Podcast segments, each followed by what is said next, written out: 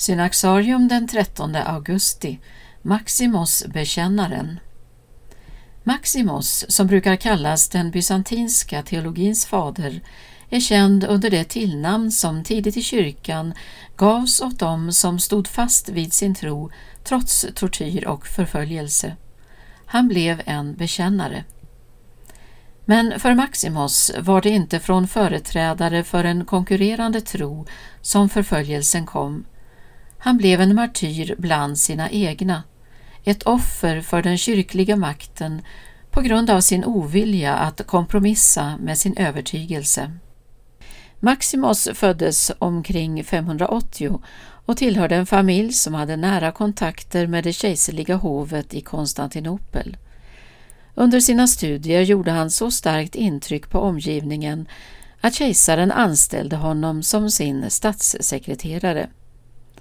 Men Maximus bar på en längtan efter ett stilla liv och år 614 lämnade han hovet för att inträda i ett kloster i en förstad till Konstantinopel. Där blev han dock inte kvar länge.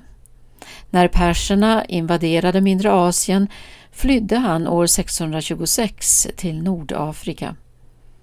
Sex år senare trädde han in i ett kloster i Kartago och blev en trogen lärjunge till dess abbot Somfronios, en gemenskap som för Maximos skulle få avgörande betydelse.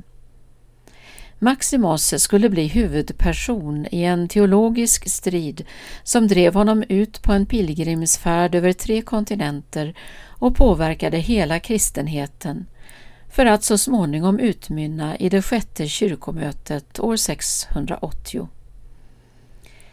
Striden handlade, som så ofta i den tidiga kyrkan, om tron på Jesus som sann Gud och sann människa, utan sammanblandning, förväxling eller förändring. Vid denna tid hade en idé börjat spridas som gick ut på att Jesus bara hade en vilja, den gudomliga. Han delade med andra ord inte människans villkor i allt. Maximus kunde aldrig acceptera denna tanke utan menade att den äventyrade frälsningen. Om Gud i Kristus inte delade allt mänskligt, hur skulle då allt mänskligt kunna bli frälst genom Jesus? Maximus vägran att kompromissa uppfattades som politiskt farlig och han fördömdes av kyrkoledningen.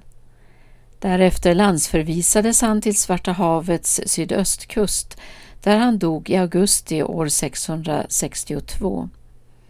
I valet mellan kompromiss och martyrium tvekade aldrig Maximus.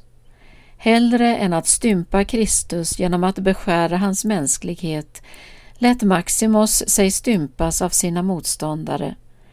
Man skar av honom tungan och högg av hans hand. Maximos ståndaktighet hade inte varit förgäves. När den samlade kristenhetens ledare möttes i Konstantinopel till vad som blev historiens sjätte ekumeniska koncilium fick Maximos upprättelse. Sedan dess har hans magnifika Kristusvision inspirerat och utmanat.